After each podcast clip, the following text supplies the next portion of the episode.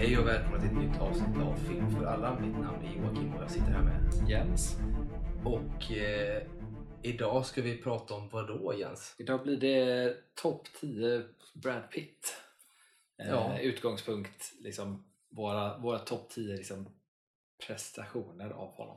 Ja, vi, får, Så det, är- det är inte så att liksom, det är filmerna i sin helhet. Nej, vi kommer in mer på själva den biten. Det kommer bli en Brad Pitt-exposé kan man säga helt enkelt. Mm. Som såklart eh, kommer handla mycket om Brad Pitt och sen ska det mynna ut i vår topp 10-lista i princip på, som vi satt ihop. Ehm, och det får vi diskutera när vi kommer in på det mer. Ja. Men, så det blir mycket Brad Pitt idag.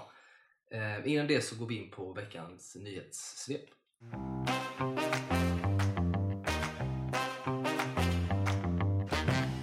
Och veckans nyhetssvep denna vecka har vi det som jag tyckte var en av de absolut roligaste nyheterna jag hörde nu på sistone. Det är det att eh, det görs en ny Barbie-film, det känner ju alla till, med Ryan Gosling och Margot Robbie. Men nu visar det sig att de här två ska spela ytterligare en film nämligen som kommer, eh, de kommer börja spela in den nu under våren. Och det är en ny Oceans Eleven-film. Och först hade det gått rykten tydligen om att det här skulle vara en slags prequel till eh, Oceans som finns nu. Mhm. För du har ju Oceans Eleven eh, 12 och 13 med, med just Brad Pitt och George Clooney och hela det gänget. Och sen Mm. har du då eh, Oceans 8 eh, som gjordes med alla tjejerna i ensemble. Ja, och där, där, Där Sandra, Sandra Bullock är syster då till. Danny Ocean eh, i den. Så de liksom kopplade ihop det. Så var det här då att det skulle vara någon form av prequel till det här. Men vad det verkar som så är det här alltså en, en, i princip en remake på original Oceans Eleven som då kommer utspela sig på 60-talet i Europa. En remake och det kommer vara då ett, ett, ja, ett historiskt, eller ett kostym, liksom time, timepiece på det sättet utspelat på 60-talet. Vilket jag tycker är coolt. Det är ju så jag Ja. skulle vilja att man gör Bond till exempel och går tillbaka lite mer till rötterna. Eh, och jag tror att det kan vara jävligt bra. Jag ser ju framför mig att Ryan Gosling är eventuellt då en, en sån Danny Ocean-figur och Margot Robbie är en Brad Pitt eh, liksom, Ja. hanget eventuellt till det. Vilket jag tror kan bli svinbra i så fall. Nu vet jag inte om det är så. Det kan ju vara någonting helt annat. Men, men det hade gjort sig bra tror jag. ja, alltså det känns som att bo, båda de två, speciellt Ryan Gosling för mig, passar väl in i liksom den typ av genrefilm. Ja, gud ja. Eh, Helt klart. Jag, jag håller helt med. Margot Robbie är liksom inte riktigt lika Fast jag Jag är inte så riktigt lika imponerad av henne. Alltså hon, hon är svinduktig och när hon är med liksom, när hon är i film där filmen är svinbra hon är svinbra så är hon liksom så är det underbart att bara titta på liksom. Men i allmänhet, jag är inte så här. Jag vet inte, jag tycker hon är alltså helt okej. Ja, gud ja. Men, menar, Once upon a time in Hollywood är hon ju med i. Ja. Till exempel och spelar. Och hon, är ju med, hon gör den här nya Amsterdam. Exempel. Och när jag såg Amsterdam då var det då jag fick känslan på att men hon skulle nog kunna spela en sån liksom, som Brad Pitt är till Danny Ocean i Oceans Eleven. Hon har lite det stuket på sig. Så här. Och även ja, så har hon gjort så vet, när hon spelar Harley Quinn i Suicide Squad. Det är som Brad Pitts Fight Club typ. Alltså så här, Ja. lite, eh, konstig figur liksom. Så att hon har ett, någon så här kvinnlig Brad Pittig vibe över sig. Som jag tror att hon kan göra det jävligt bra. Liksom.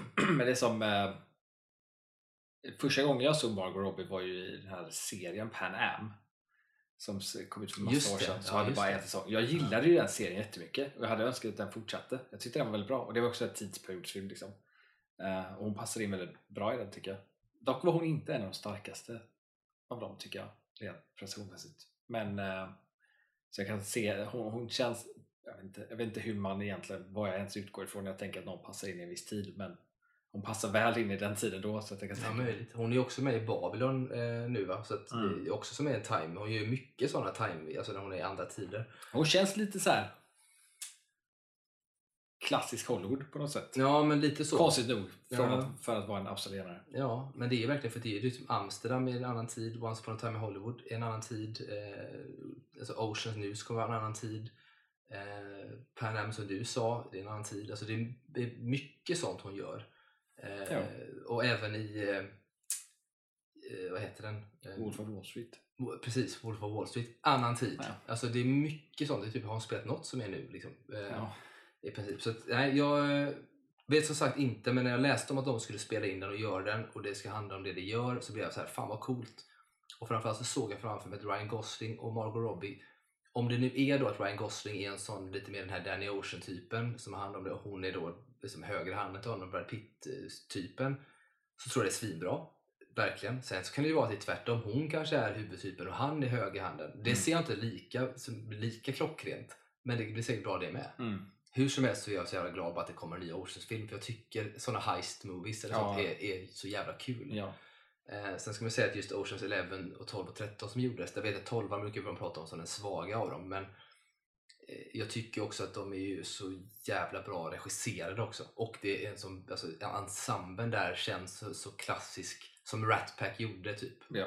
Eh, men just därför så blir det lite uppfriskande att ha med kvinnor. Inte bara göra som Oceans 8 där alla ska vara kvinnor. Mm. Utan man faktiskt kan blanda lite. Det känns lite mer Ja. troligt på något sätt. Ja.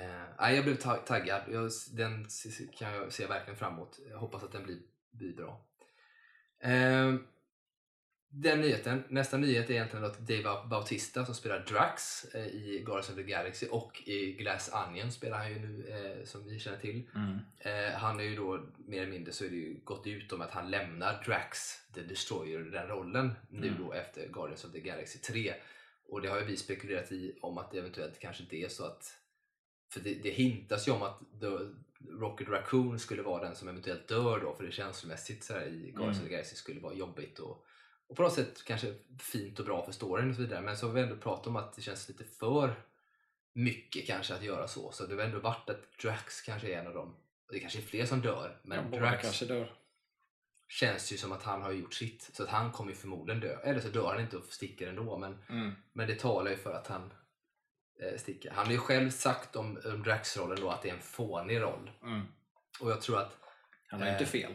Nej, han har ju inte fel. Eh, men sen så är det så att han kommer från liksom som sån här pro-wrestler. Liksom, eh, och har gjort lite sånt och, och, och, och försöker att slå igenom och, och fick Drax som det största, första största egentligen som ledde in till bland annat att vara med i en Bond-film då i Spectre. Eh, Just det, bort eh, det. där han är med och spelar typ den, den moderna Oddjob, Ja, eller vad man ska exakt. kalla det Ja. nästan. Eh, sådär då. Eller, eller, eller Hajen som han hette också, den här Ja. Jaws som han hette, eh, den skurken gamla. Han var ju lite så här klassisk Bond-villen skulle de få Ja. till på något sätt. Ja. Ehm, så att han har ju ändå visat de sidorna. Men han, han säger nog det här, det är klart att han, han tycker det också, men han har nog uppskattat tiden man, där såklart. Men han har ju verkligen ambitioner på att ha mer dramatiska roller. Han verkar ju vilja skådespela liksom, på riktigt då inom Ja. citationstecken. Eh, Så jag tror det är ett sätt för honom att ta ett avstånd, att säga då att det är en fånig roll och att han är öppen för, för annat. Och nu kommer han ju snart att vara med i den här M. Night Shyamalan-filmen Ja, Just det. eh, som kommer, Knock at the Cabin, eller Knock at the, ja, Knock at the Cabin, eller vad heter den? Ja, Knocket, jag tror det heter så här. Knocket Ja, jag the Cabin. den, som, som också kan vara, verkar Alltså i den lilla, lilla teasern som fanns så var han ju väldigt bra.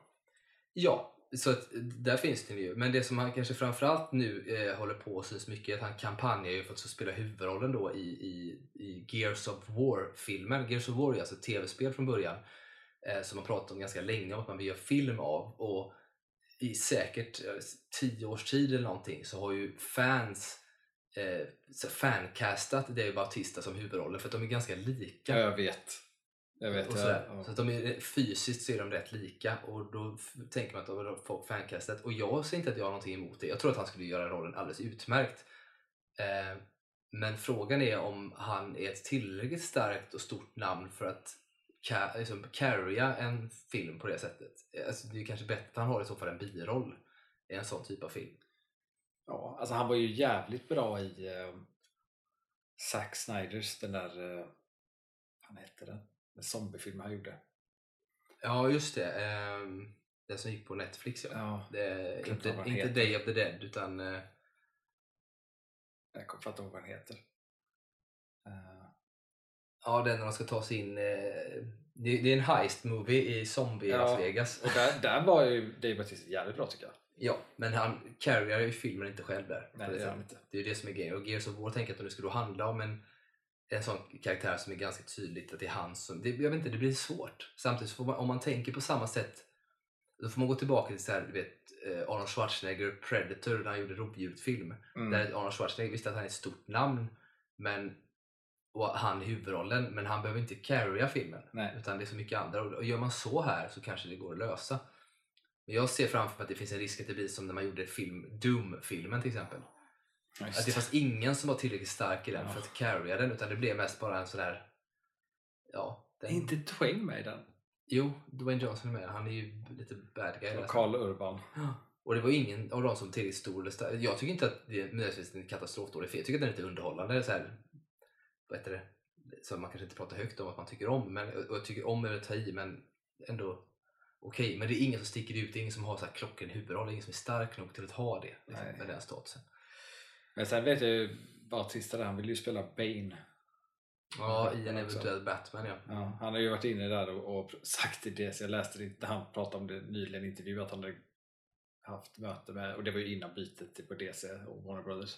Han hade bara kommit dit och haft möte och sa att han vill spela Bane och de bara Men vi castar inte för Bane nu. Han bara jag bryr mig inte, jag vill spela Bane.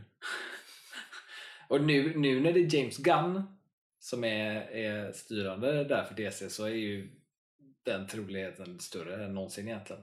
För James Gunn är ju en sån regissör som man märker att hittar han någon han tycker om att arbeta med så fortsätter han ju arbeta med dem. Mm. Ehm, så det är ju inte helt omöjligt. Nej gud, det är klart att det inte är omöjligt. Men det, jag tror att James Gunn också ser, ser liksom story arc och sånt framför sig först. Så det är så att är, är inte Bane med i det så kommer han inte tänka på Bane. Så då kommer, det, då kommer inte det bli av. Däremot så kanske då han eventuellt får en annan roll Ja. i det. Men eh, det är inte säkert att Bane kommer vara aktuell på ett tag. Jag tror han kan vara ett bra Bane faktiskt. Ja, men det tror jag. Alltså Bane är ju för det första så är det Bautista har ju själv så här latino-ursprung och det är ju Bane originellt också. Ja. Sett, så att, och han är stor som fan och sådär. Så, att, ehm, men det hade han nog kunnat göra. Jag tror att han var jättebra som det också. Det, är en, också det enda jag har lite svårt att se när det kommer till Bautista, men det är också, jag utgår från vad han har spelat, vad jag har sett han i. Ehm, eventuellt att, att min tanke om det ändras efter den här då Knock at the Cabin beroende på vad för roll han spelar där. Mm. Uh, jag har lite svårt att se att han skulle spela Bane, om, om de nu gör Bane då som från serietidningen, för Bane är ju, är ju extremt intelligent och strategisk. Eh, och det är ju inga roller han är jättekänd för att spela. Så jag vet inte riktigt hur han skulle vara, vara som det. Nej, det, och det kan ju bli spännande. Som sagt, at the Cabin så känns han ju inte, han känns inte ointelligent. Men där kanske man kan se en, en eh, han känns ju väldigt så här, doktrinerad där kan man säga. Ja. Och, så där, och har en klar bild för sig. Vilket kan då kanske carrya över till att Mm. vara en typ av mer planerbar smart sån. Så att, eh, väldigt spännande i alla fall att se vad, vad Dave Bautista tar vägen härnäst Jo. helt enkelt. Eh, sista korta egentligen nyheten, eller nyheten nyheten, det är att Paramount nu stäms av Olivia Hussey och Leonard eh, Whiting, eller Whitting, jag vet inte hur man uttalar det. Eh, det och ni som inte känner igen vad är det här för namn? Nej, det är nämligen så här att de här två de har ju spelat i annat såklart efteråt men eh, 1968 så spelade de i, i Romeo och Julia eh, som släpptes av Paramount och eh, där är det så att hon var 15 och han var 16 år och hennes bröst syns i filmen och hans rumpa syns. Eh, och nu då 50 år senare typ så har de eh, bestämt sig för att stämma eh, Paramount på grund av det här då. De menar att då de har exploaterat dem och barn och unga bla bla Mm. så vidare. Då, så att de stämmer nu dem och vill ha skadestånd på 500 miljoner dollar. Även då 5 miljarder svenska kronor. Mm. Så där är man idag. Och det, ska bli lite intressant, inte man vill lägga jättemycket fokus på, men det ska bli lite intressant att se hur det hanteras och hur, vad utfallet blir. För jag har väldigt svårt att tro att det kommer hända någonting. Eh, faktiskt. Men det ska bli jättespännande att se. Ja, jag... Ja. Det är svårt att ta de här, när saker hände förr på det sättet och, och försöka så här se eller jag vill, jag, man undrar vad deras liksom, liksom anledning är egentligen. Eh, De är ju 70 plus nu båda två. ja, och eh, ja, jag vet inte. Det är lite så här, ja, dels att de är gamla och det är bara så här, okej, vad, ska de, vad vill de hinna göra med pengar? Eh, Ja, eller om de vill eventuellt kanske, de har väl kanske familj och släkt och barn barnbarn som de kanske vill lämna något till. Ja, kanske så. Jag vet ju att de menar ju att regissören som spelade in filmen hade lovat dem att det inte skulle synas. Sådär. Vilket för mig låter lite konstigt för att de måste ju spelat in scenerna och vetat om att de var bara överkropp eller att en rumpa syntes. Så att, att regissören sedan lovat att det inte skulle vara med, det känns ju också Ja, sen skulle jag i och för sig inte vara helt, helt förvånad heller. Alltså, speciellt om de också var så unga. Alltså, det, Nej, nej, såklart att det är så. Sen vet jag inte hur mycket föräldrar som var inblandade i det. Men det... Förmodligen ingenting. Eh, kan Nej, tänka mig. möjligt. Alltså för att bara det här, för nu har man ju, det har blivit mycket mer vanligt nu att man har, eh, fan jag kommer inte ihåg vad titeln är, men det finns en titel för eh, person på inspelning, in, intimitet. ja, men koreograf, intimitet- tror jag. Ja, ja, precis. Och det är, det är liksom att, att det typ har blivit en standard att ha med Mm. är rätt nytt.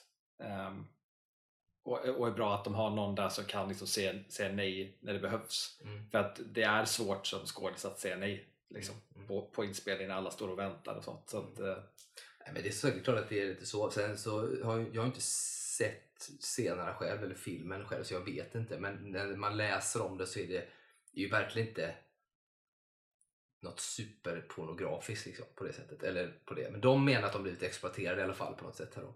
Jag tänker bara att om... Jag har väldigt svårt att se för jag tänker mig att det har skrivits kontrakten då. Och det finns Ja. inte att säga, förmodligen så är det, finns det ju att det finns inget att säga till om det här. Eh, och jag menar, skulle man skulle det då gå att det här blir att de fälls för detta och blir tvungna att betala skadestånd, då finns det ju hur mycket som helst som folk, alltså det kommer bara rinna på ja, med, med sådana typer av eh, ja, jag tror inte heller att, eh, att det kommer... varianter. Nej men alltså det finns jag, jag vet inte, man, man kan bara titta på, nu kan jag inte säga någonting engelskt men titta på Sverige, gamla Astrid Lindgren. Du har liksom, du har, ja, jag vet inte vad det är, men du är Ronja Rövardotter, Emil Lönneberga, eh, allt med, där, de, där är de också nakna Mm. och springer omkring. Men det är ingen som tänker på att det skulle vara någonting utan det var ju bara liksom, 70-talets Sverige man, man spelade Ja, in det så och det är det är liksom ju- ingen stor grej. Det är ju väldigt liksom, kulturellt och eh, liksom från den tid det är. Men ja, alltså jag har svårt att se, också svårt att se att något skulle hända utav det. Alltså jag är så här, det jag typ kan tänka mig händer är att typ de klipper om filmen. Alltså att de klipper bort de delarna typ. För, Ja, för att det inte ska fortsätta. Alltså, om, om de då säger att de känner att de har blivit exploaterade på det sättet. Så, Ja, så nej, lösningen, så, så, så det bolaget har kanske bara att Ja, så kan det ju vara. Jag bara tänker att alltså, för, för mig blir lite grann så för att jag, menar, jag hade ju fattat om det var någonting där det verkligen är eh, man säga, verkligen exponerat på något sätt. Alltså ex, när det är liksom sexuellt verkligen på det sättet. Då hade jag förstått det på ett annat Men det, sätt. fin- det finns ju en film som jag, alltså när jag var yngre och såg som jag tyckte var obehaglig och jag tycker typ, jag har inte sett den typ i vuxen ålder, kanske en gång. Eh, men den tycker jag är så här, den är ju väldigt skum och suspekt tycker jag, liksom, när jag tänker behind the scenes, så det är ju Blå lagunen. Ja, med, med För där är, ja. hon är ju minderårig när hon spelar in den. Eh, ja, ja, precis. Ja. Och där är det mycket, alltså, att dels att de är syskon då, Mm. eh, karaktärerna när de är på den här och så är det ju väldigt mycket så här, att de växer upp och typ blir sexuella och hon får sin mens och naket. Och Ja, jag håller med dig. Och den, den är ju- ännu mer så här, Ja, och den vet jag var ju, har ju varit ifrågasatt. Mm. Så, och den är ju mer förståeligt ifrågasatt för där är det ju verkligen på ett helt annat sätt och sådär. och Det kan jag förstå. Samtidigt så blir jag lite grann Ja, jag vet inte. Samtidigt blir jag så här, vem fan bryr sig? Alltså är det någon som liksom suttit och tittat och tyckt att fan vad sexigt det här är eller sådär. Eller att det skulle vara på något visst sätt och så. Jag vet inte. Det, det är som sagt eh, film, den, den spelade ju till att vara, försöka hålla sig till till den berättelse som fanns. Mm. Liksom, ver- verklighetstroget. Sen är det hemskt, det är, ju- men det är ju incest och liksom sådär. Men det var ju deras liksom, vardag och liv och att du inte ska kunna spela in sånt är ju ett problem. Samtidigt så är det så att idag så hade du inte gjort så. Nej. För du hade använt en skådis som var över 18 men så såg yngre ut. Ja. Liksom. Och så. så det finns ju helt klart eh, att du kan göra rätt istället. Men jag tänker mig att den hade, varit, hade jag förstått mer om den varit aktuell för något sånt Mm. än det här. Så att man får se, men det finns som sagt, det finns ju, skulle det vara så att det händer någonting av det så finns ju säkert ett antal som kommer vilja göra samma sak. Ja. Kanske då till exempel Brooke Shields som spelar i Den blå lagunen. Ja. Eh, och sådär. Ja, det är eh, oerhört eh, spännande att följa i alla fall. Som att se ytterligare ett steg fram från den här hela liksom metoo och Black Lives Mm. Matters och allt det här som går in nu. Att vi liksom, allting ska göras om och det här är ytterligare en pusselbit på att se vart vi är på väg och Mm. vart vi landar i saker och ting. Så att, eh, det ska bli spännande. Sen så är det som sagt svårt när det gått 50 år för en helt annan tid och en helt annan kultur. Eh, det är ju som man pratar om hur någon skådis, typ Sean Connery, sa om någon kvinna i en intervju för 50 år sedan. liksom så här, eh, som han var med kvinnor. Så här, men ger man dem bara en liten liksom, klappa till dem då Ja, och sköta sig. Och det är så här, visst det är inte snyggt men, så här, men man kan ju inte liksom, cancella honom idag 50 år senare för det han sa då. Jag tror inte att han i slutet av sitt liv var samma person som han var 40 år tidigare heller. Jag tror att man utvecklas lite. Mm. Eh, tyvärr, det var ju så det var. Hemskt nog så var det faktiskt så att det var verkligen a man's world förr. Där folk sa så. Det är klart att det inte är okej idag för fem öre, men det är väldigt svårt. Jag menar, rent krasst om man, om man tänker sig, om man gör en sån här liten kort extrapolering bara, så tänker typ 40 år framöver nu, när man själv är gammal, så tänker man att eh, går vi, kommer, har vi gått så långt då att vi helt plötsligt cancelar folk som på den här tiden åt kött till exempel? Ja. En sån sak. Alltså hur långt ska vi ta det i, i det här då? Eh, men som sagt, jag lägger ingen, ingen liksom, vikt. Det är klart att det är fel och jag hoppas ju på något sätt att om i 40 år så tycker vi att alla tycker att det var fel att äta kött.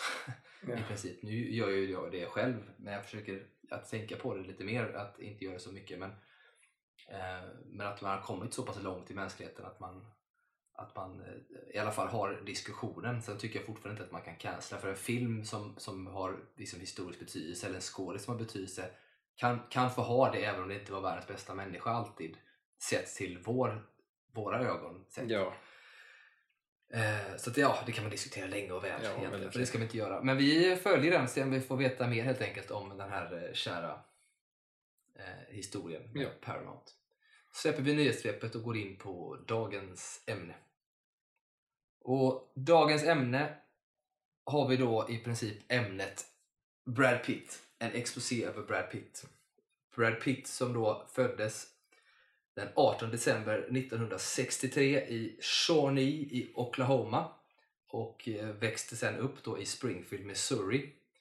Eh, mamma hette Jane Etta Hillhouse innan hon gifte sig och blev eh, Pitt Mm. och var en eh, ja, school counselor, jag vet inte hur man översätter det, sy- syokonsulent typ. Ja, ja. Eh, och sådär. Och så hans pappa då, William Alvin, även känd som Bill Pitt, som var en eh, som hade ett, eh, ett åkeri. Al- Alltså så.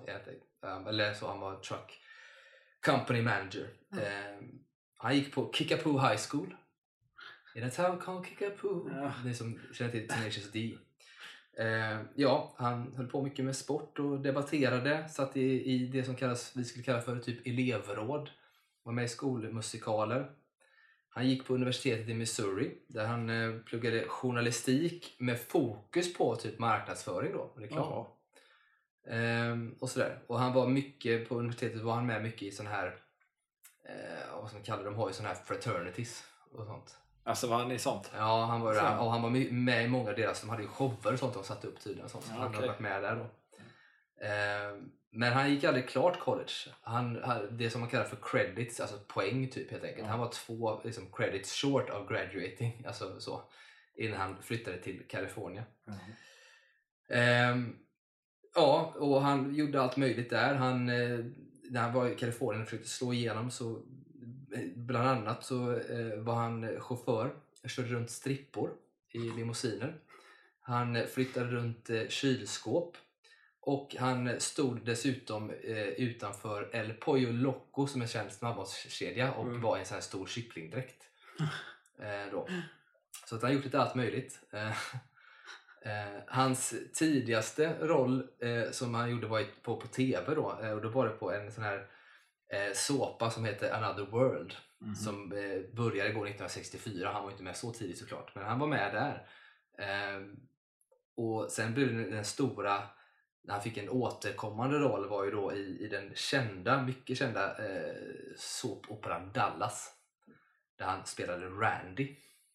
Jag hade ingen aning om att han hade Eh, varit med nej, alls. där fick han ju eh, som sagt, sen så gjorde han då lite gästspel eh, här och var och sådär då. Eh, sen fick han ju den, det, stora genombrottet kan man säga egentligen där han fick liksom både ett genombrott men kanske framförallt blev, blev synlig för den stora publiken även om han själv inte spelade så i- kanske det en stor roll var just i det som vi har pratat om innan, Mm. Thelma och Louise Mm.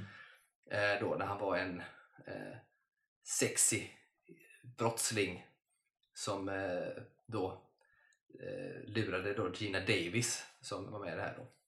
Sen var han med bland annat då Johnny Suede och i Cool World eh, och sådär. Eh, hans största som verkligen gjorde att han fick ett uppsving i sin karriär är en film som heter Där floden flyter fram, 92.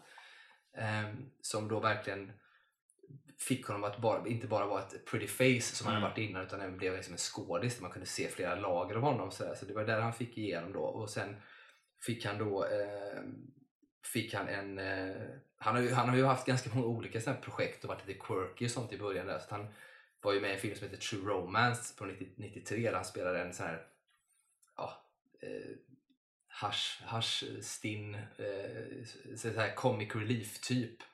Eh, som heter Floyd då, som är liksom en bifigur. Fan vad jag inte kommer ihåg att han är med i True Romance. Nej, men han är med där som en liten bifigur. Så. Eh, men sen är det bara, det här är 93 och sen så tänker man att okej, när slår han igenom? Men man känner igen honom. Och där, där jag vet att jag och kanske även du tänker att men här har man verkligen, bör man sätta Brad Pitt. Det hände ju då 94 när han kommer med både En vampyrs bekännelse eller Interview with the Vampire som det heter på engelska. Där det är Tom Cruise framförallt som är i huvudrollen då, men Brad Pitt är med där också. Och då eh, Legends of the Fall, alltså Höstlegender Mm. två briljanta filmer. Eh, och sen bara ett år senare, 95, så kom ju Seven. Mm. Och någonstans här så börjar man ju fatta att okej, nu, nu är Brad Pitt stor. Liksom. Och sen så fortsätter det med 12 apornas armé. Och sen är han i princip den Brad Pitt vi har idag Mm. på många sätt. Mycket spännande saker. Eh, det finns mycket saker att säga om honom också. Eh, vi kanske kommer in på det sen eh, egentligen. Det som man kan veta som jag tycker är lite roligt är att han är ju eh, fortfarande tror jag eh, inte tillåtet att eh, komma till Kina. Efter att han spelade in Sju år i Tibet. Just det. Det läste jag något om. Ja, så den är ju Kina-kritisk och det det. tyckte de inte om. Så han, han är fortfarande inte välkommen i Kina vad jag förstår. Och det här är alltså 1997 som den gjordes. Eh, så, men det finns en del eh, saker som man kan komma in på honom sen. Men jag tänker att vi, vi går in på våra listor helt enkelt. Och, Mm. och det vi kan säga om, eh, om Brad Pitts topp 10-listor. det- För det första så har han gjort så jävla mycket. Ja, Mer än vad man tror. ja väldigt mycket. eh, och han har också gjort Mycket Va? också så här man blir, att jag typ glömt bort det. Alltså det är såhär, just det, han var i den. Ja, men precis. För det är mycket, han, han har gjort mycket. Visst, där han spelar huvudrollen, där känner man igen de flesta. Ja. vet man. Men sen har han gjort så jävla mycket där han gör sjukt bra supportroller Ja. också som man inte alltid tänker på att han är med i. Ehm, och när vi då satte ihop de här listorna, för att jag vet, vi pratade lite om det här innan, hur vi hade tänkt. För att skulle man välja filmer han har varit med i eh, så, så blir det jävligt svårt. Eh, och samtidigt så behöver man titta på att han behöver nödvändigtvis inte, vi- nödvändigtvis inte ha varit den som är huvud, huvudskådisen i en film. Eh, för då blir, då blir också eh, listan lite, lite kort. Däremot så vet jag att då hade du och jag tänkt nästan likadant. För jag tänkte att jag, jag vill ta med filmer. Delvis är det lite filmer som, som betyder mycket för mig. Alltså som jag tycker att det här måste jag ha med för min skull. Men också framförallt eh, lite typ hans prestation. Eller snarare när han visar upp en, en annan sida av sig själv än vad han gör i en annan film. Så att det är liksom, jag har försökt ta filmer där han är någonting annat än vad han varit tidigare och så vidare. Så att liksom försöka ha en, en så bred palett av Ja, filmer som möjligt. ja, alltså typ, ja, min lista är ju liksom vad, vad jag anser eller vad jag tyckte liksom, någon gång jag har reagerat på hans prestation typ. Att typ, här tyckte jag att han var jävligt bra på grund av att liksom. Eh, och listan jag har är liksom eh, fi- hur filmen är i sin helhet liksom har typ ingen betydelse i min lista. Eh, utan jag har bara försökt tänka på utifrån vad jag tyckte, hur han var som i den, vilken roll det nu än är. Ehm, för det blir så jävla svårt att så här, det skulle ta evighet att försöka tänka ut så här, vilken är den bästa filmen han har varit med i. Det är så mycket mer man behöver tänka på. Liksom. Mm.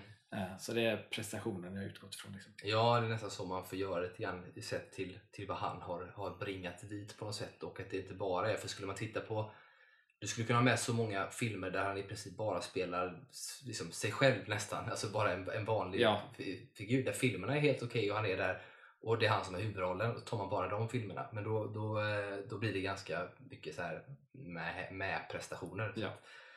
eh, jag har försökt hålla mig lite med lite olika varianter. Ja. Samtidigt så är det som det är skitsvårt. Det, den här listan jag, den kan lika gärna ändras om två månader igen för jag kom på att fan den här är ju så jävla bra. Ja, jag har Så- försökt sätta min lista i, i lite så här att det är att liksom, nummer ett är nog den bästa prestationen jag tycker han har gjort Mm. och att nummer 10 är liksom av alla dem den sämsta.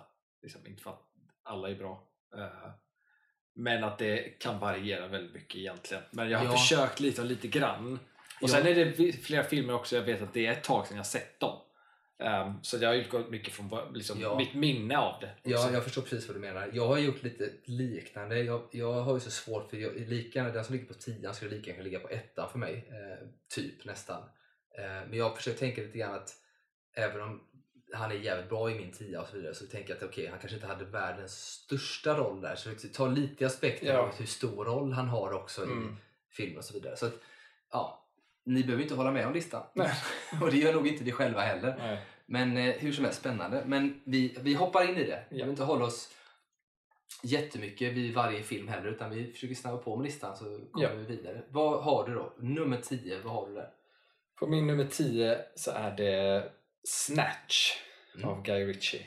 Mm. Eh, och där är det mer så här, det, det är, där gör han den här rollen som, One Punch Mickey. ja, som är bara liksom konstig roll, rolig, liksom underhållande. Ja, Men också ju- att där liksom, han kommer in som amerikanare och det är så himla, det är så himla liksom vanligt stereotypiskt skämt om att amerikanare kan inte spela britter, men britter kan spela amerikanare. Mm. Men här kommer han in och ska han liksom spela, vad är han? Han, han är Han- gypsy. Ja, ja, han är ju zigenare. Zigenare. Alltså, gypsy tillhör de här resande folket då. Så, Ja. så, så, Eh, och Så han har ju, hela skämtet är att det är ingen som fattar honom. Nej, och han har en väldigt specifik dialekt. Ja, och det, man, tänker ju så här, man tänker ofta att Brad Pitt kanske inte är världens mest nyanserade skådespelare sett att lära sig typ dialekter Ja. eller du vet nyans i skådespeleri och sånt. Och därför blir det lite grann i, i Snatch just när han faktiskt är så extremt jävla bra. Det är lite fusk också med tanke på att han har, man hör knappt vad han säger. Ja.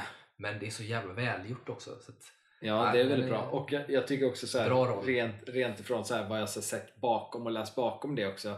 Så är det så här, jag är också imponerad av att han faktiskt gjorde den rollen. För det var ändå en tid då han liksom kunde välja och vraka vad fan han ville egentligen. Mm.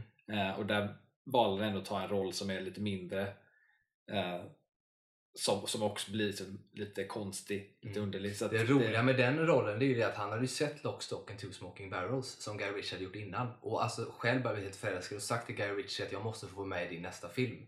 Och Guy Ritchie hade varit ja men vi ska se om vi hittar någonting så här. Och så fick han då rollen som Mm. Punch Mickey i Snatch. Så att det är ju lite coolt för det, återigen säger han kunde ju välja och vraka. Han kunde Mm. till och med välja och vraka genom att till och med säga till eller så att jag vill vara med Ja. i din nästa film och så löste man det liksom, på något sätt och gjorde det dessutom bra. Det känns ju inte krystat på något sätt och han Nej. har verkligen ingen Alltså det är, det är en vital roll men det är fortfarande ingen stor roll. Han är ju inte Nej. huvudroll på något sätt. Nej. Utan det är ju Jason Statham som Ja. i princip är huvudrollen. Ja, eh, sjukt, eh, sjukt bra eh, roll. Faktiskt. Det är med, skulle jag säga, någonstans på min lista också. Ja, bra. Eh, min eh, tia är filmen Sleepers. Som, eh, som jag har väldigt så här, minnen från när jag var ung och, och såg den. Eh, jag tycker det är en briljant film. Det är ju bland annat alltså, Robert De Niro och Kevin Bacon. Eh, det handlar om ett gäng ungdomar som som i, i New York tror jag, eller om det är typ Jersey, det är någonstans där som de eh, begår något brott när de är ganska unga eh, som inte egentligen är så här super liksom, stort eller sådär men de hamnar på en anstalt helt enkelt. där de då den blir, filmen ja! Ja, där de, Jävlar, där de helt blir, glömt av i princip filmen. blir liksom ja, allt från att de blir liksom utnyttjade och eh, illa behandlade och det är ganska liksom, hemskt på många sätt för dem. Man får ju sen se dem då i vuxenlivet hur de hanterar Just det här. det. Jag har Eh, helt glömt av den filmen. och det är ju en jävligt bra film Ja. eh, överlag. Och där är ju liksom Brad Pitt är ju bra i den. Sen har vi alla andra som är så jävla bra också. Kevin Bacon är briljant också sådär i den. Men, eh, men den, den slängde jag ändå med därför tycker jag att den är, den är värd att ha med. ja, verkligen. Tycker jag. Helt glömt av den. Fan. För att titeln gör inte filmen rätta på något sätt. Nej, nej Det gör låter den- som att det ska vara en jävla sci-fi film eller någonting. Ja men typ så. Ja, jag vet. Jag Nej, för fan, den filmen är, den är, fan, den är bra jobbig. Ja, Och han är- han är bra i den den också. är, den är tung, är den. Eh, men fruktansvärt bra. Bra, nummer nio då för dig. Nummer nio för mig är eh, Mr och Mrs Smith. Mm. Eh, jag tror att det var första gången jag såg eh, Brad Pitt eh, i liksom en sån, den typen av komisk roll. Mm. Ehm, innan så hade jag me- mest sett han liksom, ja, antingen typ thrillers eller drama och liknande. Eh, men det var liksom första gången jag såg han verkligen sån här i, som var liksom, det var meningen att han skulle vara rolig, det var meningen att filmen skulle vara rolig. Och sen att filmen i sin helhet var lite överraskande också, att den är så pass underhållande som den är. Uh, jag tycker att han, han, gör, han gör så bra jobb i den och uh, kemin han har med Angelina i den också, vilket man också vet i efterhand var uh, väldigt personlig också. Men ja, jag tycker att han, han är rolig i den som fan. Jag tycker fortfarande när jag tittar på den att, att, han, är, att han är jävligt rolig i den. Och den här bara, typ, frustrationen de har mot varandra och missförståelsen och allt det där. Ja, den är bra. Mm. Den, eh, det är väl eh, typ en av filmerna som Adam Brody är ju med i den. Ja just det, det han. Eh, typ en av de så här första som han gör när han var med OC Ja, först och sen så gjorde han den här. Fick lite breaket då på något sätt. Sen så fick jag inte så mycket break ändå. Nej. Eh, bra, det är ju faktiskt en av de filmer, jag har inte med den. Det är en av de som jag har valt bort från min lista. Eh, även om jag skulle vilja ha den för jag tycker att det är någonting som du säger, någonting annat vad man ser. Men det kommer vi till sen. Eh, min nummer nio är Meet Joe Black. Mm. Som jag, eh, så ska jag sätta så här för, alltså, favoritfilmer alltså den här hade kunnat hamna på min etta egentligen för jag tycker att filmen i sig är så jävla bra. Jag vet att alla tycker inte det, jag vet inte riktigt varför man inte gör det. Den är ju ganska långsam och sådär. Men jag tycker att den är så, ja, den är så bra, det är så coolt på något sätt. Att, att man går in och får, och får spela både liksom en, en karismatisk ung kille som han i princip är i fem minuter Ja. till att sen eh, spela döden resten. En naiv döden Ja, den, den är ju med på min lista också. Eh, jag tycker att det är en svinbra film. Jag tycker att han är svinbra i den också. Eh, Ja, för att grejen är med, med, med den är Pitt- underskattad den filmen. Den är väldigt underskattad ska jag säga och fantastisk musik i den också ska jag säga. Eh, Och Anthony Hopkins är också briljant i den. Eh, Men det som är grejen med den är att Brad Pitt är ju lite grann som Keanu Reeves. Keanu Reeves har inte riktigt samma range som Brad Pitt har. Även om det finns sk- skådespelare där som har enormt mycket större bredd än båda de här två. Men Keanu Reeves har det gemensamt med Brad Pitt att, att, att vara så här stoiska och nästan lite naivt barnsliga i sitt Mm. uttryck och i sitt sätt att vara. Och det tycker jag att i Meet Joe Black, när han är lite så halvdum och nästan som ett barn på nytt då, när för döden får en kropp, han har Mm. med om det innan och så vidare, då, då han gör så mycket men gör så lite på något Ja. sätt. Jag tycker den är så fruktansvärt briljant och, så- och så passar perfekt till honom. Så att, eh, det var min nummer nio. Vad har vi för din nummer åtta då? Eh, min nummer åtta så är det The Interview with a Vampire. En vampyrs bekännelse på svenska. Mm. Eh, det är en sån här film, jag såg den, jag var jätteliten, kommer ihåg. Eh, men där tycker jag också att eh, lite samma sak som Joe Black där, att det, han är ändå rätt, han gör, han gör väldigt mycket med lite. Alltså, Mm.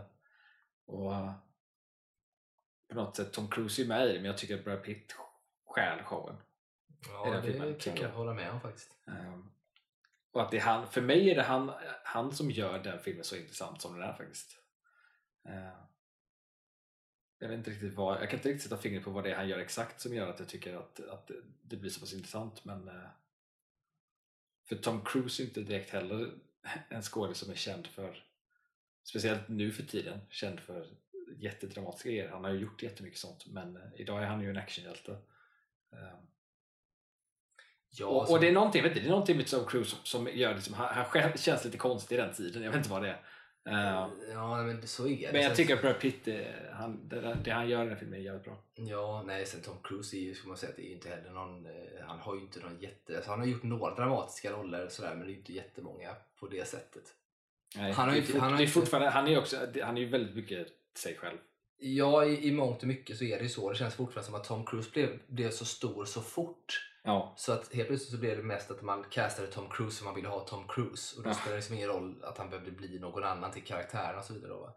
Sen är det väl i Interview with the Vampire eh, så att det är, väl, det är väl Brads figur som är den som blir intervjuad va? ja, Angående så pratar jag om han den här Lestat han, Ja. som är Tom Cruise karaktär.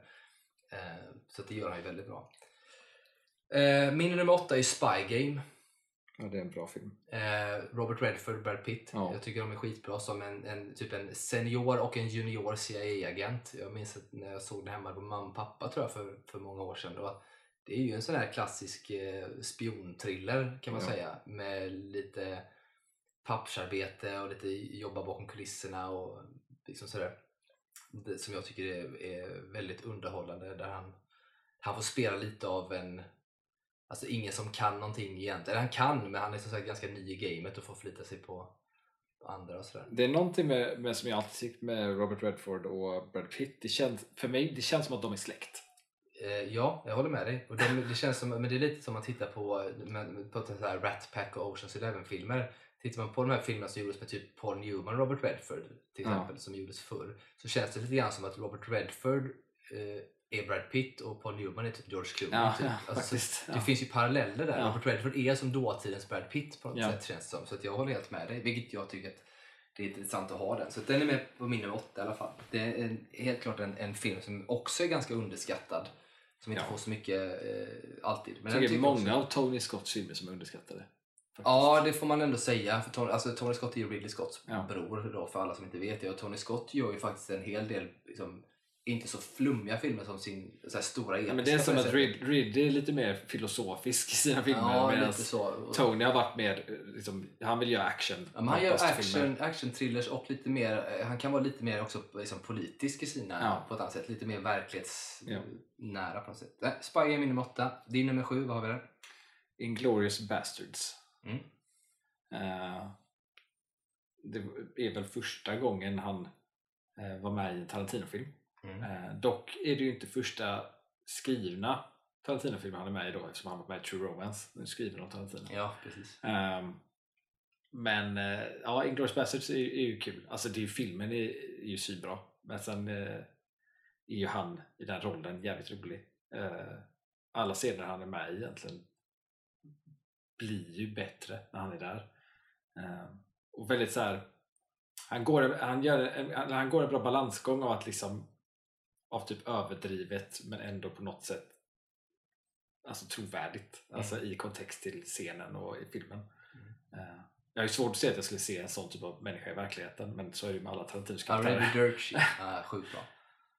Men eh, det kändes ju verkligen som att han blev på något sätt satt Alltså han, ju, han var ju den i popkulturen men det känns som att han hamnade ännu mer i popkulturen efter den filmen. Ja, men det var lite som, som han gör skickligt Tarantino när han tar skådisar som, jag säger inte att Brad Pitt var utanför skådespelarvärlden på den tiden, som typ Bruce Willis eller, eller som, eh, vad heter han, eh, eller som Daryl Hannah till exempel Mm. var eller, eh, eller han, eh, vad heter han, Mar, Mar, Marston, vad heter han? Michael Madsen Michael till exempel som också var så här, eller, eller Kurt Russell för den delen som också var så här, Ja. länge sedan de gjorde någonting så tar han in dem för att eh. Och det är lite grann så att han gör det lite så här premature när han tar in Brad Pitt där. Ja. För lite grann, och när han gör det så cementeras ju Brad Pitt som en legend i Hollywood. På något sätt. ja, jag tyckte också att det syntes lite på så här efter han gjorde den så, så blev det också ännu mer blandning av roller Brad Pitt fortsatte göra. Mm. Alltså att han gjorde ännu mer liksom, det var väldigt olika från film till film efter det. Eh, ja. Bra. Eh, min nummer sju, då är det, för vi är på nummer sju va? Mm. Då är det Interview with a Vampire, har jag där. Så det behöver vi inte säga så mycket om, men det var på min nummer sju. Vad har vi på din nummer sex? Min nummer sex är det eh, 12 Monkeys. Mm. Eller det, det 12 apornas armé som heter på svenska. Och där är ju ja, det är ju Terry Gilliam som har gjort den, väldigt bra film så. Jag tycker liksom, jag, jag har märkt att ju mer jag ser den filmen desto tråkigare tycker jag att den är.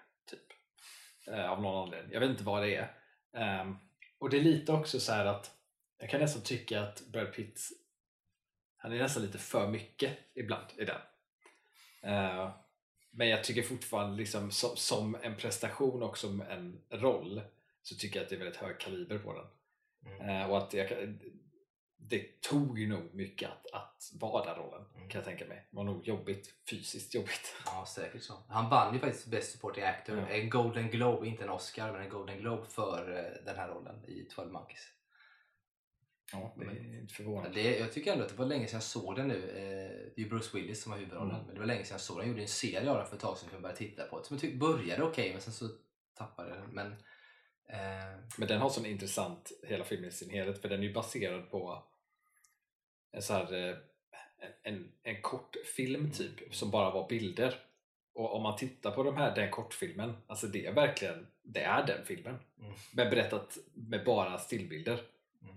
Som är väldigt intressant att se faktiskt. Ja, det är intressant. Ja, det är lite spännande för att du, nu, har du, nu har ju du nämnt eh, 12 vapen och armé och vilken sa du innan nu? Eh, Eh, innan sa jag ju Inglourious Basterds. just det, precis. Och det är två filmer som hemskt nog, de är inte med på min lista. Vilket är helt sjukt. För att det var så här, vet jag stod, ska jag ha med dem? Och vet, jag har ändrat och allt möjligt. Men de är inte, jag kunde inte ha med dem ändå för de fick inte plats. Men det är, återigen så skulle jag säga att de hade lika kunnat vara med. För att det för mig är det verkligen en jättebra grej. Eh, det var din nummer sex va? Ja. Min nummer sex är då Legends of the Fall, alltså Höstlegender. Eh, där han spelar, det är en fantastisk film, utspelar sig ju i efter, alltså sviterna av, av första världskriget egentligen. Eh, ganska hemsk på många sätt. Men där eh, kan man ju tycka att han ibland överspelar eh, till viss del och så. Men, men den är otroligt fin som film och, och väldigt bra. Där han får spela lite, det är lite romantik och lite svår, svårhantera, alltså hantera sig själv i det här. Så att, ja, jag tycker att det var ett tag sedan jag såg den men det är fortfarande en, en väldigt fin film. Tycker att han gör det bra där i. Också ganska tidigt i hans karriär som sagt. Jag har nog inte sett den filmen sedan jag var jätteliten. Jag kommer typ inte ihåg någonting av den. Nej, den kan man ju faktiskt eh, se Ja. om man vill. Den är som sagt eh, lite hemsk också. Så. Vet du vem som har gjort den? Eh, uff, det vet jag men nu vet jag inte riktigt vad det är. Jag kan ju kolla, kolla. Jag kan kolla upp det medan Jag du säger det. din nummer eh, fem. Min nummer fem är Oceans 13. Mm. Eh, men det skulle lika gärna typ kunna vara Oceans 11. Du kan ju göra som jag eh, Eh, har gjort och skriva. För att Oceans. jag tycker liksom att, eh, att, att, att den rollen han gör i Oceans-filmerna är bra i alla filmerna. Eh, tycker 12 är, är ju inte riktigt lika underhållande film som 11 och 13 är. Men sen så, jag valde 13 på grund av att det egentligen är typ mer screen time till Brad Pitt vad jag kan minnas i 13. Vilket innebär att det var mer av den karaktären. Vilket liksom blev att det, jag, jag valde den för att det var mer att se av honom. Mm. Men eh, han gör det lika bra, vi alla tycker jag. Eh, älskar den typen av eh, karaktär han är. Den här. Jag tycker på något sätt också, det, det, när han spelar den karaktären som för mig det cementerade att han liksom käkar mycket i film. Ja, det var ju verkligen cementerat där kan man säga. När han, Rusty heter han va? Ja, så? Rusty, ja, jag tror det. Eh, ja, bra. Din nummer fem var alltså Oceans då. Min nummer fem, eh, innan jag går in på den så ska jag säga att det är Edward Swick har regisserat eh, Höstlegender. Okay. Eller Ladies of the Fall. Han har ju bland annat då gjort eh, eh, Motstånd. Om man vet vilken film det är. Den med Daniel Craig? Daniel Craig ja. Jaha, okej. Och eh, Blood Diamond. Mhm. Och kanske mest känd film han har gjort är Den sista samurajen. Med Tom Cruise. Aha. Eh, Men han har gjort den i alla fall. Och eh, Ladies of the Fall är ju också Anthony Hopkins kan man säga. Så att de gör ju både det. Meet Joe de. Black tillsammans och den här då. Eh, bra. Min nummer fem i alla fall är, då är vi inne på Snatch. Mm. Behöver inte säga så mycket mer om den. Den där är min nummer fem i alla fall. Vad har vi på, jag kan ta min nummer fyra direkt. Ja. Egentligen då, tycker jag. För att ta, Snatch var där. Min nummer fyra är, jag har ju fuskat och skrivit Oceans-trilogin. Ja. Och Jag menar samma sak. Jag hade också, för att välja en så hade jag sagt 13 också i så fall, för att det är där. Så den har jag också tagit där. Eh, och då går vi in på din nummer fyra. Min nummer fyra är eh, Fight Club. Mm. Ehm, och det är så här. Jag var lite så här, jag visste inte om jag riktigt skulle ha med den eller inte först. För det var lite som jag typ glömde av den av någon anledning. Men det är ju väldigt bra film. Ehm, och att han, han gör den rollen väldigt, väldigt, väldigt bra. Ehm, och det gjorde han ju rätt stor också när han var med i filmen. Men sen när jag, varje gång jag tittat om på den filmen så har jag typ varit såhär, han, han är ändå inte där jättemycket. Det håller jag med om. Alltså ändå. Och, och när det- han väl är där så är han egentligen Alltså på, på sätt och vis är han väldigt alltså, endimensionell. Han är bara en typ, och det är väl inte så konstigt, han är ju en, en del av eh, hans persona så det är inte så underligt på det sättet. Ja. Men eh, så att den är så pass liksom, högt upp på min lista på grund av typ impacten den typ hade på popkulturen egentligen. Mm. Eh, men men det är ändå en rätt här endimensionell och rätt. Hade, hade det inte varit eh, rätt motskådis som Edward Norton och Helena Bonham Carter och rätt regissör så tror jag att den rollen hade varit eh, rätt tråkig. Och den filmen hade varit rätt tråkig också tror jag. Det är en sån här film och story som passar den, just den liksom, samlingen av skådisar och regissör väldigt väl. Ja, möjligt. Samtidigt tänker jag att det är nog ingen... Det, det är ju just för att det är de som Ja. den görs, alltså Ja. regissören gör, annars hade det nog inte gjorts en sån film tänker jag. Eh, men intressant ändå, tycker jag. Eh, ja, kul. Då får du hoppa på och ta din nummer tre medan vi ändå är igång. Eh, Min nummer tre är eh, Burn After Reading. Mm. Där han verkligen inte har en stor roll. Men det är också verkligen så här, det är nog den filmen som han gör en roll som sticker ut mest av allt han har gjort. Utsett från, från tidigare prestationer liksom. För att där, den karaktären är, det är så jävla konstig. Eh, men också så jävla rolig. Och så annorlunda än vad han brukar göra. Och därför hamnar den så högt upp på min lista faktiskt. Det är lite spännande för Bernard Flury var precis en sån som jag tog bort av skälet till att han inte har just en stor roll i den. Nej.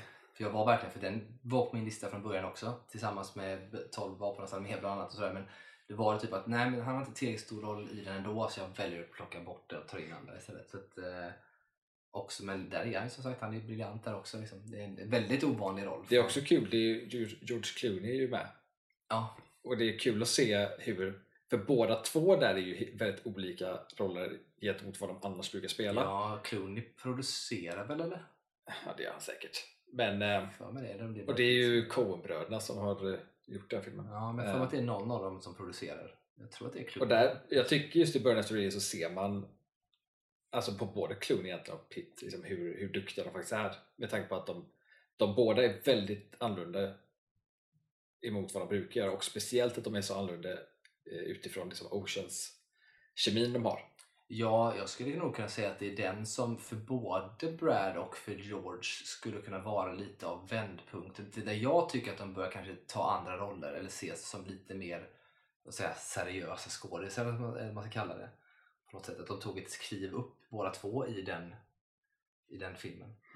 Men ja, ja, det är bra, bra val. Återigen så det stör det mig när man inte kan ha med alla man vill. Eh, det var din nummer tre va? Ja. Min nummer tre är Seven.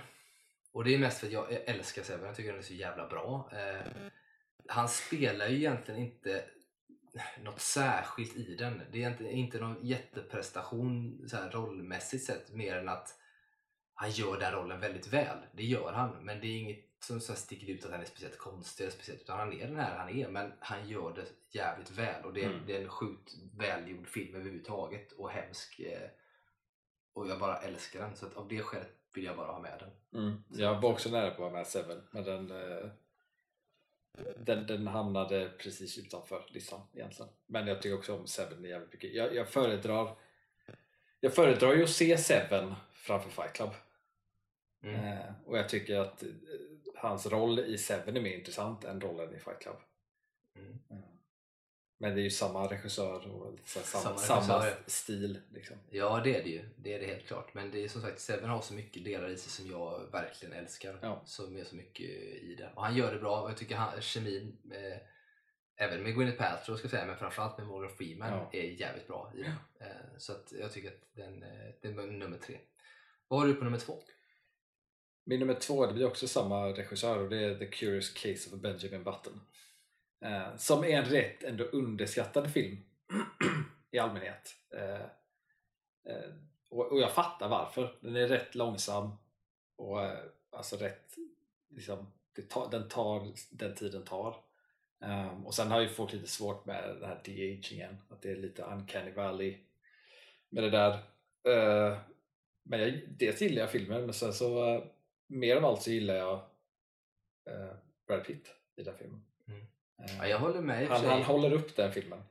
Jag tycker ju inte att filmen är, jag tycker inte att filmen, jag tyckte också att den var lite långsam. Jag, jag har, har, tycker inte att den är jätte, superbra så. Ehm, sen gör han väl som sagt en, en okej liksom, prestation och så i den. Men jag, jag, för mig är det ingenting som, den var inte så jätteaktuell. Jag funderade på den men det är fortfarande var ganska klockan för mig att ha utanför listan faktiskt ändå. Trots att den är, är så pass olik. Men jag tycker, jag vet inte. Jag tycker att eh, jag tror nog, liksom när jag gillar Brad Pitt som mest är när han när han när han liksom gör lite. Eller liksom, det, det är inte så mycket det, det känns inte som att det är så mycket där först när man tittar på det men liksom, man är, fångas ändå av det. Alltså han är bra på det här stilla och det tycker jag han gör väldigt bra i den rollen. Ehm, och så är det en intressant roll. Det är, Ja, det är ja, det är en intressant roll och det är en Och jättebra kemi med Kate Blanchett. Ja, ja, ja, ja, och det är en jätte, så sätt är det ju bra och intressant. Men det är, det, det är också så mycket ändå typ så här lite, det är CGI och det är mycket de andra skådespelarna som gör det sånt. Så att jag, jag lite grann för mig hamnar den utanför. Men jag, helt klart så sticker den ut. Eh, så. Vad var det? Din nummer Två. två va? Min nummer två är eh, Once upon a time in Hollywood. Ja, det var nästa. Var nästa. Eh, där han, den hade jag med enbart egentligen har jag med den. Jag tycker i och för sig, jag tycker att filmen är bra. Det har jag inget emot och sådär. Men jag tycker att den hamnar på, på min lista och så högt upp för att det var den han vann eh, Oscar för eh, som bästa biroll. Eh, så det kändes liksom galet att inte ha med den på listan överhuvudtaget och då fick det bli relativt högt upp. Så att, eh, där satte jag den. Men där är han ju eh, på många sätt inte en speciell rollprestation för där är han lite Brad Pittig liksom. Som, som han förmodligen är och Mm. inte så mycket sticker ut i sin roll men det, han, han är välkastad och gör det bra i den. Så att, och han vann ändå pris för den så att för mig hamnade den där helt enkelt. Ja, ja, men det var lite så jag hade nästan, alltså jag satt och eh, nästan så här singla slant mellan att välja den eller Inglourious Basterds. För att jag typ så tycker, jag tycker liksom att, att det är lite samma typ av karaktär. Eh, lite såhär stoisk, tough guy liksom. Olika tidsperioder, lite olika typer av genre.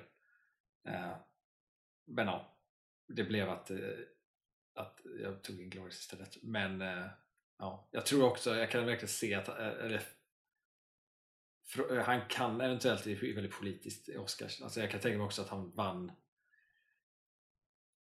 att det, det priset också egentligen är riktat till Inglourious Basterds också. Alltså så här, Ja, gud ja. Det gör jag helt övertygad. Jag är övertygad att det är så många gånger som delvis att, att man ger det för, för att filmen i sig är det, är det bästa egentligen. Men också för att man kanske ger det typ retroaktivt Ja. till någon som har presterat innan Ja. som inte vunnit. Som i det här fallet. För att rent krasst så har han ju gjort mer intressanta roller och bättre roller egentligen. det beror alltid så mycket på vilka andra roller som är uppe det året. Liksom. Ja, precis. Det är som, Le- Leo är det största exemplet. Han har ju alltid haft en sån här otur egentligen, Leo, att varje gång han är nominerad så är det alltid folk som är så jävla bra nominerade som har gjort liksom minst lika bra. Mm.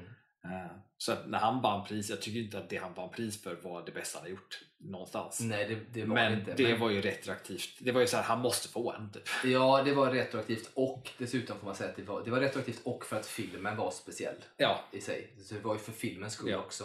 Eh, Men jag håller med om att, och han gör ju det är fortfarande en bra roll, han gör det ju bra. Ja. För det är ju i princip han som spelar bara i filmen. The Revenant pratar vi om om ni inte förstår det. Men där spelar han ju Leo i princip, det är egentligen bara han det handlar om som han följer hela Ja. tiden. Eh, vilket är tungt såklart, det är tungt arbete för en skådis att jobba på det sättet i, de, i det klimatet och den miljön man lägger ner. Eh, och det jobbet man lägger ner i den miljön. ja men det är, mer som, det är nästan mer som att de, de vill liksom ge det är lite som att de, de ville ge en Oscar dels för vad han har gjort och dels för liksom själva arbetet han har gjort för filmen. Mer än vad det resulterade i. Ja, lite så. För det är, det är så när man ger, jag säger inte att det är dåliga filmer som Daniel Day-Lewis gör, verkligen inte. Men han ju, ses ju också som en briljant skådis, men han är ju verkligen sån här att han går in i sina roller så är sjukt mycket och Ja. gör helt galna saker eh, för att karaktärisera sina roller. Eh, av det skälet. Så det är lite grann därför. Men som sagt, jag tycker nödvändigtvis inte... Och jag var också så här singelslant mellan den och Inglourious. Och då var jag ändå att nej, men då tar jag den som han vann för istället för den andra. Även om, om jag skulle välja någon att se igen så ser jag nog fan Inglourious Basterds tror jag, mer än Once upon a time in Hollywood. Mm. Men det är mest för att det är så jävla mycket andra bra saker i Inglourious också som är så briljant. Inte för att det är något dåligt i, i Once upon a time men du har så jävla, alltså du har Christoph Waltz och eh, du har de här scenerna som är så laddade hela Ja. tiden där. Så att nej, den, eh, den, den är ju egentligen bättre. Och skulle man ta en sån här en lista som bara utgår från bästa filmer som Brad Pitt har varit med som vi pratade om innan, då hade listan som sagt sett annorlunda väldigt- ut Ja. egentligen. Eh, men bra, det var min nummer två i alla fall, Once upon a time in Hollywood. Eh, vilken är din nummer ett? Min nummer ett är en film som du har haft med eh, och det är Meet Joe Black. Mm. Det är nog, jag tror också så här, det, det, det som, som jag sa för det är att han gör så mycket med så lite. Men sen tror jag också att det är väldigt subjektivt för den sitter så jäkla nära. Jag såg den när jag var liksom yngre och har sett den flera gånger eh, och, och påverkat den. Liksom. Och det, det, ja, det är typ så här film som, som funkar på så många plan för mig. Och jag tycker att han är svinbra i den. Jag skulle vilja se han göra, jag skulle vilja se han göra den typen av roll igen snart, för han har inte riktigt gjort den typen av roll på, på länge nu. Ja, det hade faktiskt varit, eh, varit kul att se. Ja, det är spännande. Jag hade som sagt kunnat sätta eh, Meet Joe Black högt upp också. Alltså typ första för min egen del också. Just för att jag tycker att den är så jävla bra. Eh, men så blidde det inte. Den här gången. Om vi ska gå in på min nummer ett nu då. Mm. Så har jag ju valt Fight Club som Mm. nummer ett. Och det är som, precis som du sa, för det liksom, popkulturella eh, som finns med i den. Och han är fortfarande så jävla känd som just Tyler Durden från Fight Club. Det blev så mycket kring den rollen när han spelade där. Samtidigt när man tänker på det så är det så jävla mycket Helena Bonham Carter och Edward Norton som gör filmen. Mm. Men han är fortfarande så jävla briljant och obehaglig i den. Ehm, och det var lite så att jag satte ihop den, eh, jag har med den för att jag liksom, tog med den för att han är lite så här samma karaktär där som han eventuellt är i typ 12 vapenas armé. Alltså lite så här psycho-snubbe liksom. Så, att den hamnar där som en slags samling av de Mm. bitarna. Och att det, av alla filmer han har gjort så är det den som jag tror har haft liksom störst dels påverkan på hans karriär men också det som så här, som alla tänker på i Fight Club och så vidare. Så Ja. Det är just Tyler Durden och de här bitarna. Så att den är så pass viktig ändå så därför eh, har jag med den där. Mm. Så det var min nummer uno helt enkelt. Och det är ju hemskt för det finns så jävla mycket film som vi inte har haft med och som jag lämnat utanför, typ 12 vapens armé till exempel. Och, Men jag, har ju, som jag har ju några så här hedersomnämnanden. Ja, jag med. Eh, dels är det ju Seven som du har nämnt Mm. eh, och att time, Once upon a time in Hollywood var också det. Eh, sen var det Sju år i Tibet Mm. på min hedersomnämnande också. Svinbra film och svinbra prestation.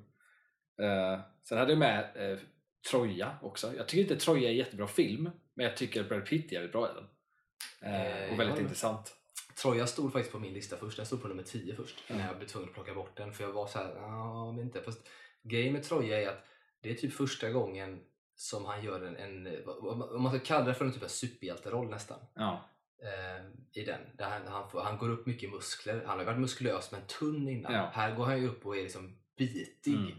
Och spelar. Så det var ju någonting annat än man var van vid. Han liksom verkligen cementerade sig i någon form av actionhjälte och spelade in ganska avancerad så här fight-koreografi och sånt på det sättet. Så jag var nära att ha med den också. Och så är det lite så här. Jag var relativt bra ålder när jag såg den första gången. Tyckte Ja. den var så jävla cool. Och så gillar man ju det här mytologiska och de här bitarna. Då? Ehm, så att, nej, jag tycker ju som sagt inte, inte superbra film. Däremot så är det en hel del bra skådisar med i den får man Ja, säga. Och han gör det väldigt bra. Ehm, Sen, eh, det roliga med den ska man säga att han eh, drog ju faktiskt av sin akillessena. ja, jag vet. Vilket är Ironiskt. sjukt. Så det Ja. gjorde han. Sen hade jag även med eh, Bullet Train hade jag faktiskt också med på. Jag tycker att han eh, är, är jävligt bra i den. Eh, Ja, det... Och det var så här, jag hade, jag hade liksom nästan med den på min lista också. Men det var lite så här, för mig var den, den, den är lite för ny. Och att den behöver liksom få ställa sig lite gentemot Ja, annat nej, exakt så tänkte jag med. För jag var också inne på att ha Bullet Train med. Jag tänkte men det är, det är för nytt. Det är Mm. för att man har det så färskt fortfarande att man vill ha med den och så vidare. Då? Eh, sen finns det en till som jag vill ha som hedersomnämnare för min del och det är ju Fury. Ja, där är han jävligt bra. Eh, som han också, och den, där stod jag också och valde mellan ska jag ha med den istället för någon av de andra för att Fury är jävligt bra men den på, han påminner lite grann om vissa andra roller som kanske är mer liksom, mer av sticker ut eller som mer är som liknande som han spelar där så att den fick ändå inte vara med på listan men det är helt klart ett eh, hedersomnämnande. Det är ju ganska, alltså det är också mycket bra skådisar och en bra film överlag men den är också ganska hemsk. Ja. Det är det. Så att den har jag med. Sen finns det som sagt hur mycket som helst. Och det intressanta med han, för att han har ju sitt eget produktionsbolag, Plan B, Mm. som de heter, som han ägde tillsammans med Jennifer Aniston först, men nu är det ju bara han som står för det. Eh, efter deras skilsmässa och att när den tredje parten som var inblandad i det här på något sätt lämnar något bolag så fick han av. Så Brad Pitt äger allting själv och han producerar ju sjukt mycket idag. Eh, det kan man titta, man tittar på hans lista så här, från hans karriär började så är det så här, skådis, skådis, skådis. Sen så någonstans där, ja, typ runt strax innan eh, där Burn After Reading typ Mm. någonstans. Nå- I de, då helt plötsligt börjar man se att det produceras mer istället. Och så där, vilket är intressant. Ehm, för han ägde ju rättigheterna till eh, han ägde ju rättigheterna till Infernal Affairs. Jaha. En Hongkong-rulle som då blev eh, film i väst Ja. som heter The Departed. Det var Brad Pitt som ägde det, så han är alltså producent bakom The Departed. Ja. Eh, och skulle eventuellt, han skulle ha spelat en roll där egentligen, men han valde själv att inte göra det. Alltså så. Men han var på väg att spela vad jag tror eh, var eventuellt var det om det var Leos karaktär han skulle ha spelat eller om det var Matt Damons. Osäker. Men han valde att inte göra det, Mm. vilket jag tror var bra i och för sig. ja, det tror jag också. Men det roliga är att han ägde de rättigheterna. Mm. Valde att göra det. Så han producerar mycket idag och det är kul. Jag tycker mycket av det han är med och producerar och stöttar är intressanta saker. Också. Det är del dokumentärer om saker som har med typ metoo-rörelsen att göra till exempel som han har varit med och producerat Mm. också. Så att, eh, sen har han fått en del kritik kan man säga också för att han eh, var ju tillsammans med Gwyneth Paltrow ett tag eh, för länge sedan. Det Mm. vet ju, känner inte så många till men när han var tillsammans med Gwyneth Paltrow så visste han ju om att Harvey Weinstein då hade gjort närmare mot Gwyneth så här innan. Och då hade han liksom varit så att ja, men det gör ingenting. Eller så, alltså, han hade kanske inte fattat magnituden av vad det var men det var mer så att man gjort närmare. Men det är klart, det är klart han liksom var så. Men sen hade även Angelina Jolie varit liksom, få- fått närmare av Harvey Weinstein och Brad Pitt hade liksom fortsatt att "Ja, men jag tycker om att jobba med Harvey. Liksom så, här. så att han fick ju mycket skit för att han hade alltså, antingen inte förstått riktigt eller att han liksom hade gjort det. Men han har ju liksom backat lite grann från det och nu varit med och producerat då en, en dokumentär som Mm. handlar om det där i princip. Eh, så så att, men han fick en del kritik för det. Så. Jag tror att som sagt, det är nog inte lätt, innan metoo-rörelsen ska jag säga, var det nog inte lätt för, för män eller killar att förstå eh, hur stort det var och allvarligt det faktiskt var. Eh, alltid. Nej, det tror inte jag heller. Ehm, Så det är ju bra att, det, att man gör det nu. Ja, verkligen. Ja, det är ju... Tarantino... eh, Han producerar, hans, några av hans film producerades ju av Weinstein. Och där vet jag att han har ju varit kritisk mot Weinstein, men där har ju varit mer att han, han var ju kritisk alltså rent här arbetsmässigt typ. Ja, ja. Och att han inte höll med honom. det, det kan man ju vara. Samtidigt så tror jag att det är svårt. Jag tror också många, alltså jag tror att det är mycket alltså, att man antingen att man inte på riktigt inte vet om eller man inte visste om hur stort det var och sen också eller så var det att man liksom blundade för det för att ens, ens eget liksom, yrke ligger på liksom, shoppingblock också. Ja, alltså jag tror att det är svårt. att- Det är det som är problemet, har varit Ja. problemet så länge i den Ja, jag tror att det är så svårt att veta för att någonstans har det ändå varit så här. Jag ska, jag ska inte säga att det är normaliserat för jag tror att ingen kan ju stå för att man tycker våldtäkt är okej. liksom, eller utnyttjande på något sätt. Men, men det kanske varit lite mer så här kutym eller mer accepterat eller underförstått att, man, att vissa har typ legat till sig roller och sånt. Ja. Både män som kvinnor Ja. eh, så här, för att få vissa roller. Och, och i det, och det är ju såklart inte okej liksom, men i det också att du då har folk som hela tiden i den branschen som är ganska ytlig har du vet, relationer, det flörtas, det är liksom lite närmanden och då är det svårt att veta vad är okej närmanden och inte okej närmanden när man hör om det. Ja, ja, ja. Och då blir det så här att "Ja, men han var intresserad av dig men det var liksom ingenting med det. Alltså så. Men eh, när man då förstår hur allvarligt det faktiskt är och vad som hänt då blir det en helt annan Ja. grej. Liksom. Så att jag tror att det varit så normaliserat i, i, Hollywood länge att man liksom inte man har nog inte förstått det. Så man har nog bara liksom jobbat på. Och så har man vetat kanske någonting, man hör ett rykte ja någonstans. men exakt. Men så, och så vet man inte mer än så och så, ja, och så gör man ändå på för att man måste ju tror jag ändå tänka på att men jag, jag vill göra min film, jag kan inte bry mig om vad den har gjort med den där, något rykte som jag har hört. Liksom. Eh, men det är därför det är bra att det kommer upp nu, liksom, mycket av de här sakerna så att, man inte, så att det inte bara blir massa rykten utan folk faktiskt går ut och säger Ja. vad som har hänt och så vidare. Då, för då kan man ju faktiskt ta ställning på ett helt annat sätt. Mm. Eh, och lite cyniskt så kan man ju då i det ta ställning på ett positivt sätt så att man också får folk med sig. Ja. Om man nu ska vara lite sån. Bra! Vad var eh, Brad Pitt topp 10? Yes. Nu kör vi Kiss, Mary Kill.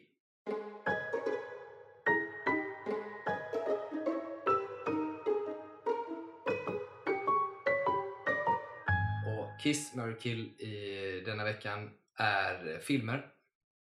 Yes. Första filmen är Billy Elliot.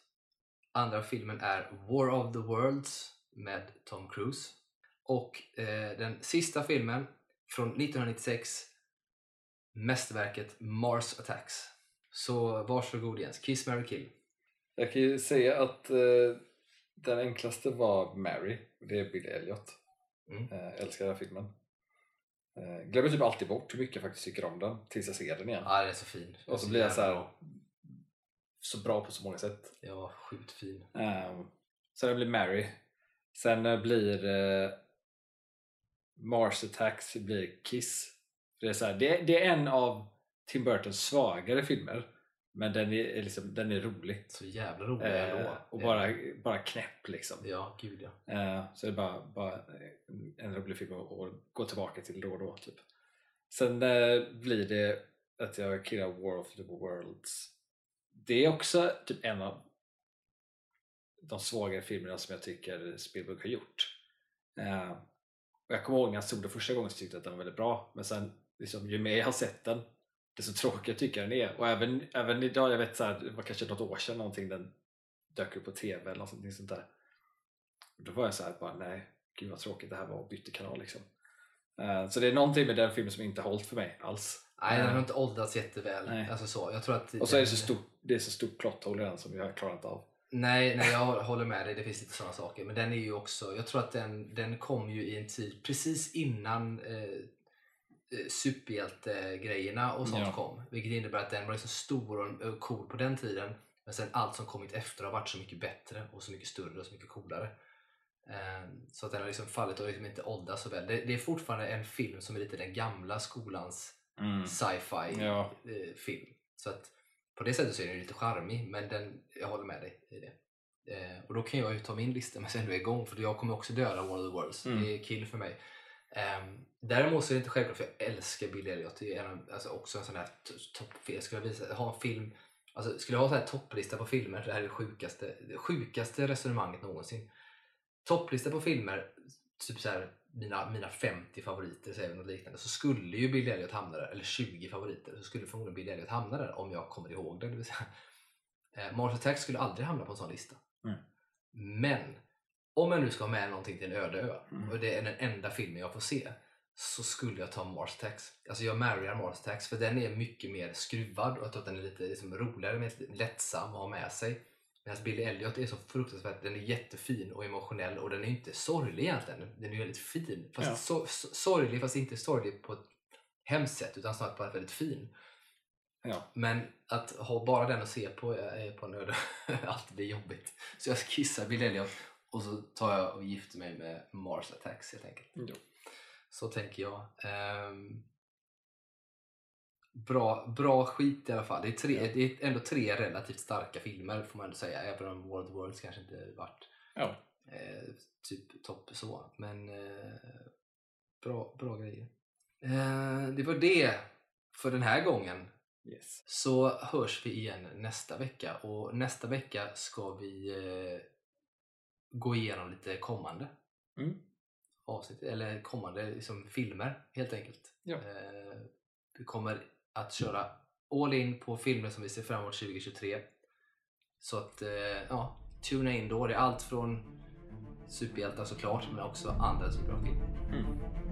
Så att vi har det, har det så bra så länge så hörs vi. Hej! Ha det bra.